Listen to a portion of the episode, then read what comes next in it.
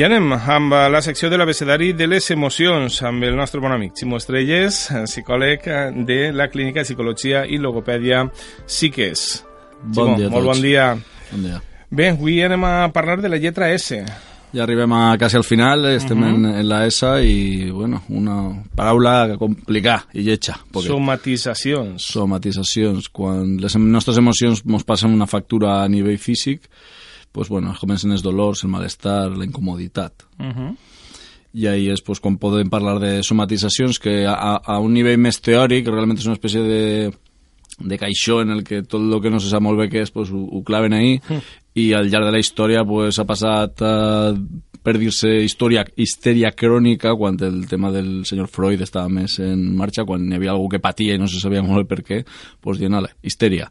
Després això ha anat evolucionant un poc, eh, trastornos somatomorfos, que també són un poc estrany, ara ja se diu trastorno de somatizaciones, que pareix un poc més, més llevadero, però bueno, al final eh, això se trata de qualsevol molèstia recurrent, dolor físic, que sin embargo no té una causa física raire.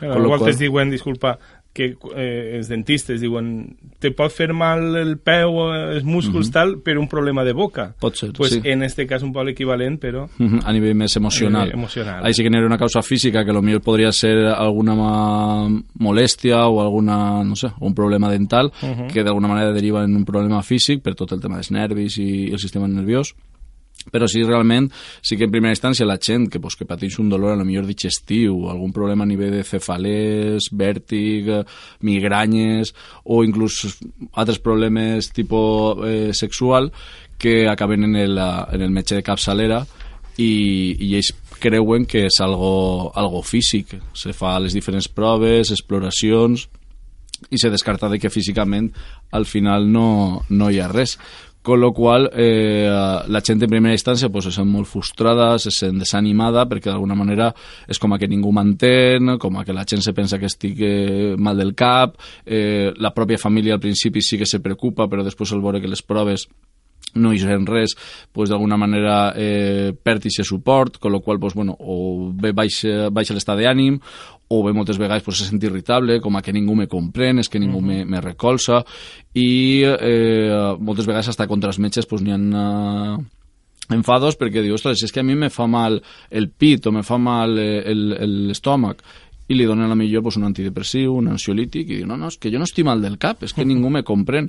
I moltes vegades pues, se trata de, de somatitzacions que d'alguna manera els problemes a nivell emocional o psicològic l'estrès, l'ansietat, d'alguna manera acaba generant aquests dolors físics que, que és de lo que estaríem, estaríem parlant d'alguna manera.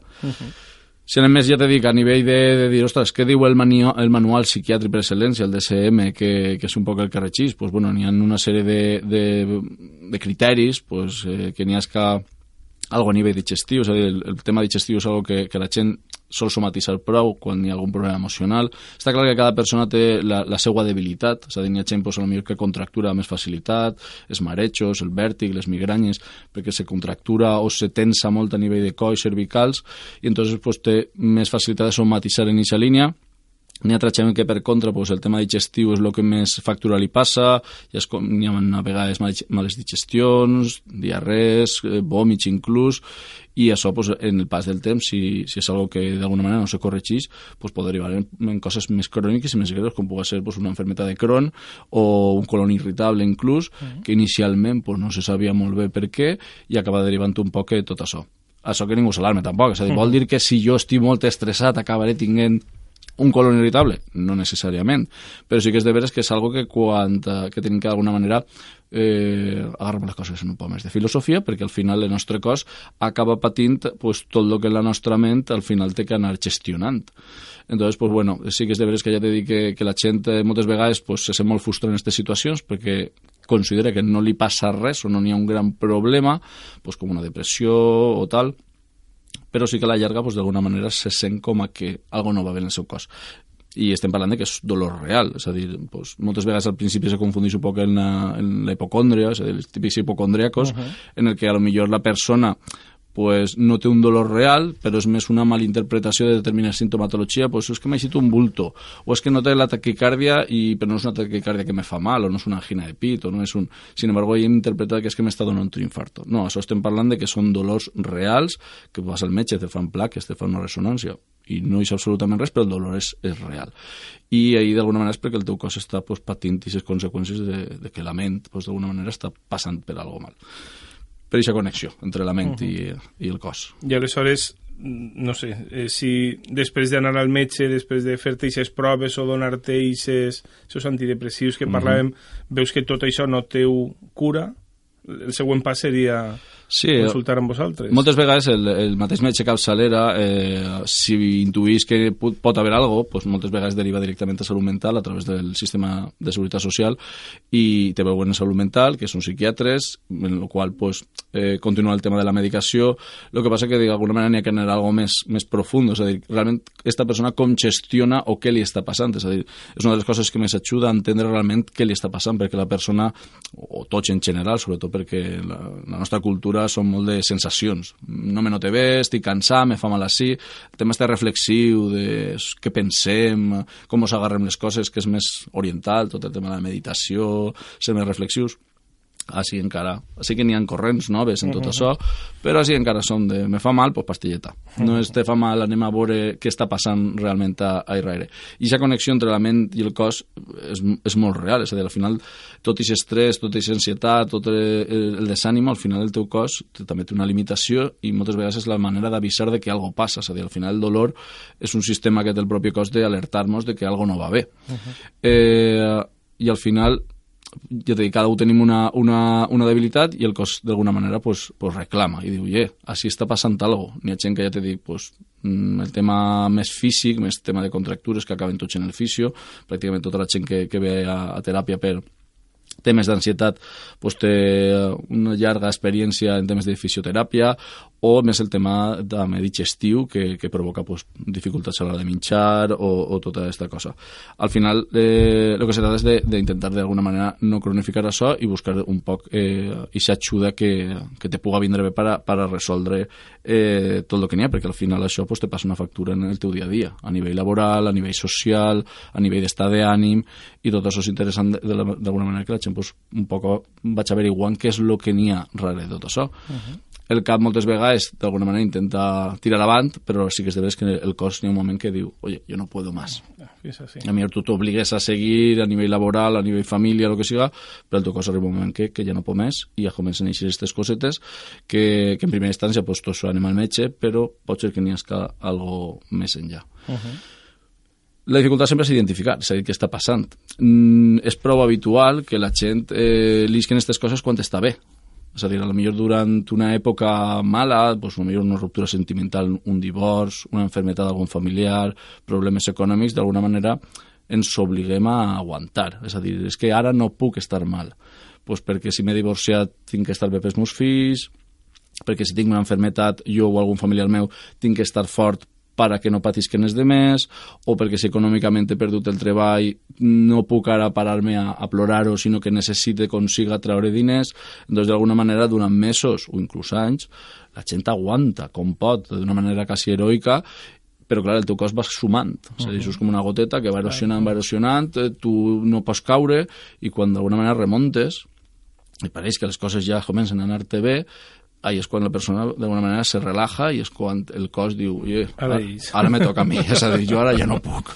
Entonces, no es, no es descabellado, desde hay mucha gente que ve a terapia y digo, es que justo ahora que estoy en el mejor momento de mi vida, uh -huh. ahora es cuando es, me noto mal, és a dir, és quan pues, anímicament ja no puc, perquè d'alguna manera se donen permís per a, per a estar mal. I ahir pues, eh, n'hi ha que identificar, és a dir, que, que, o què ha passat en el passat, que d'alguna manera pues, potser encara ho arrastren, sentiments de culpa, rencor, ràbia, o pues, bueno, situacions que encara que que han passat encara estan un poc ahí susceptibles de que, de que puguen ser treballades eh, a nivell de teràpia i el teu cos, pues, lògicament, sí que, sí que ho patís. Uh -huh i, uh, i n'hi ha, ha corrents pues, no sé, més centrades en el, en el jo, el ello i totes aquestes coses que diuen que, que d'alguna manera el, la nostra ment intenta donar-li forma a aquest sofriment emocional eh, i per això deriva en problemes físics, és a dir, d'alguna manera com a, anem a donar-li sentit a això que tens en el cap que no va bé i d'alguna manera ho fa patir en el cos perquè sigui algo més, més reconeixible per, per la persona i que siga capaç d'alguna manera de ficar en marxa aquestes ferramentes que li poden ajudar a, a estar bé però ja t'he dit, mm, no perdant de vista que se trata de dolor real, és a dir, mm. com en psicologia pues, n'hi ha moltes coses que se nota que n'hi ha, ha un desajust, que no n'hi ha una realitat darrere, en el tema de les somatitzacions és, dir, és dolor real, és a dir, una persona que per situacions d'ansietat, d'estrès laboral, per exemple, tensa, tensa, tensa, tensa tots els dies té situacions en les que s'agarra les coses d'una manera inadequada, al final estem provocant lesions reals en les que n'hi ha contractures, n'hi ha rotures fibrilars, i això a la llarga pues, pot provocar hèrnies i ja t'he dit problemes de migranya, vèrtics, marejos i tot això que són habituals o ja t'he dit, si va més per la vertent digestiva doncs hi ha gent que, que acaba deteriorant doncs, eh, un poc el, tot el seu sistema digestiu perquè al final ja t'he dit moltes males digestions o digestions acidificades perquè t'agarres les coses en, de mala manera acaben lògicament passant de factura a, a nivell físic perquè acabes somatitzant d'alguna manera tot això. Uh -huh. Quines pautes haurien de, de dur per a cuidar el nostre llenguatge intern? Sí, al final, eh, a veure, la psicologia és molt de, molt de matisos. Jo comento molt en, eh, en, en teràpia, és a dir, al final, darrere de tota la psicologia n'hi ha molt de sentit comú, però també és molt de treballar matisos, és a dir, al final és un procés de canvi, és a dir, no és màgia, si quan tu vas i tu te prens un antidepressiu, ahí n'hi ha una química que des del dia 1 pues, ja està eh, fent efecte, el tema de la psicologia és més un procés de canvi, és a dir, tens que anar canviant xicotetes coses i la suma de moltes xicotetes coses, igual que parlàvem antes que va erosionant, pues anirà d'alguna manera fent més fort i canviar. Eh, la, la gent necessita saber que, que n'hi ha darrere de tot això, és a dir, entendre un poc què li passa, perquè ells venen molt frustrats, ja t'he dit, perquè tenen un dolor físic que ningú li diu que és, cauen en certa desesperanza, es que nadie sabe lo que es, eh, nunca conseguiré superar esto, ah, veremos ahora que me sale, eh, i entonces si ese llenguatge intern, d'alguna manera tenim que, que fer-lo com a més flexible, més, més ajustat a la realitat. Si ens donem compte, tots funcionem d'una manera molt radical a l'hora de pensar, de que és que todo no sé què, és que sempre estàs igual, és que nunca no sé què, és que necessito esto. És a dir, són com a massa intensos a l'hora uh -huh. de comunicar-nos amb nosaltres mateixa, inclús ens tractem pitjor a nosaltres mateixa que li ho diríem a un altre. Som molt més exigents amb nosaltres mateixa, ens culpabilitzem, ens enfadem, ens frustrem... Entonces, d'alguna manera, tenim que agarrar les coses amb molt més, molta més filosofia. És a dir, pràcticament tota la gent que arriba a teràpia se, se matxaca molt en aquest llenguatge intern d'una manera molt radical, és a dir, hi ha parauletes d'este estil, pues siempre, todo, nunca, nada, i això se treballa pràcticament en tots els clients que venen, perquè, clar, radicalitzar aquestes coses una que fa que les teues sensacions i el teu comportament també sigui radical. Uh -huh. Si jo m'estic dient a mi mateixa es que no puede ser, es que siempre lo haces todo mal, es que nunca llegas a nada, es que si deberías hacer esto y no lo haces, clar, el meu cos reacciona amb molta més tensió, uh -huh. amb molt més d'estrès i, i jo, lògicament, això pues, se va sumant. Al mateix temps, eh, tot això, pues, clar, me va passant aquesta factura emocional i, i és important eh, ajustar-la perquè, clar, després no té cabuda altres coses. N'hi ha gent que s'estressa molt per el dia a dia perquè millor pues, eh, arriba tard o no li dona temps a algo que tenia planificat i se ho agarra com si fora això eh, terrible i no deixen marxa per altres coses. Per desgràcia, en la vida passen coses que realment són terribles, a nivell d'enfermetats, accidents, i bueno, coses que veiem en, en els telediaris tots els dies, i aquestes coses sí que són terribles. Mm, arribar tard, eh, perdre un tren, que se t'olvide comprar algo, que se te caiga un got, eh, aquestes coses pues, són sí. coses que hem de lo normal. Limitats. Correcte. Entonces, tenim que saber ajustar, és a dir, el que és normal, encara que pugui ser algo negatiu, pues, jo que dic, coses del dia a dia, de lo que és terrible. I vivim molt en una societat de terribilitzar-ho tot, de tot és superimportant, tot és supernecessari, i lògicament el teu cos reacciona en conseqüència. Si tu li manes aquests missatges, pues el teu cos ho patís com si ho fos. Entonces, n'hi ha que ensenyar-se a relativitzar, a ser flexible, a, a, a buidar de, de determinades eh, sensacions o emocions, com pot ser la ràbia, l'enveja, els cels, practicar molt el perdó, ser tolerant, ser flexible, uh -huh. al final, ja t'he dit, no n'hi ha res tan, tan greu que mereix que, pues, per exemple, que, que pues, tu t'enfades en algú o en tu mateixa o que se te talla la digestió per, per jo què sé, perquè has perdut alguna cosa. Entonces, pues, bueno, la millor manera de, de, de cuidar el nostre cos eh, front a les somatitzacions, més allà del tema este del llenguatge intern, seria sí que intentar identificar quan ens passa alguna cosa ja no sols eh, trobar el motiu, sinó també d'alguna manera eh, expressar-lo, és a dir, saber identificar, dir, ostres, estic nerviós, o estic enfadat, i estic enfadat perquè m'ha passat això, i ja no sols som nosaltres mateixos, sinó també expressar als demés. Una de les coses que, que més ajuda la gent a, a, és agarrar perspectiva. Uh -huh. Moltes vegades estem cegats sí. en una manera de fer les coses per la nostra trajectòria, i dir, no, és que jo soy així, i portes 20, 30, 40, 50 anys fent les coses d'una determinada manera, i compartir amb els demés, expressar-ho, t'ajuda per almenys a agarrar perspectiva. Uh -huh. No necessàriament perquè l'altre te digui el que tens que fer, però sentir altra manera de veure les mateixes coses ajuda, perquè al final les situacions són les situacions, però una mateixa situació hi ha molta gent que se l'agarra de manera diferent. Uh -huh. Un divorç, una ruptura, un el que siga, n'hi ha gent que s'agarra més mal, altre menys mal, i hasta una mateixa persona n'hi ha dies que està millor per lo mateix i altres dies està pitjor, amb la qual ja t'he dit, tot aquest tema del llenguatge intern és molt important. Para no somatizar, pues, ostras, eh, que seria important eh, seria cuidar-nos molt. És a dir, al final el teu cos pues, té una limitació a nivell que siga de, de tot aquest estrès emocional que poden dur o, o del dia a dia. Una bona dieta, alimentació sana, és molt important, el descans és molt important, és a dir, al final n'hi ha coses que pareix que estan eh, per darrere d'altres més importants. Uh -huh. El tema de l'alimentació. Amorse superràpid o dines quatre mossos, dret, eh, a les quatre, perquè lo important és el treball, les obligacions, que també però ens oblidem moltes vegades de, de cuidar-nos, ja no sols a nivell d'alimentació, també del descans. Uh -huh. Ostres, pues dona igual, eh, 6 hores, perquè demà me tinc que 6 alçar-me no sé quantos, i acabem dormint menys hores de los que el nostre cos necessita. Això és novament una goteta que va sumant, va sumant i tenim més debilitat front a les coses que ens puguen passar perquè el meu cos no està igual de fort. De les coses més importants, eh, l'actitud.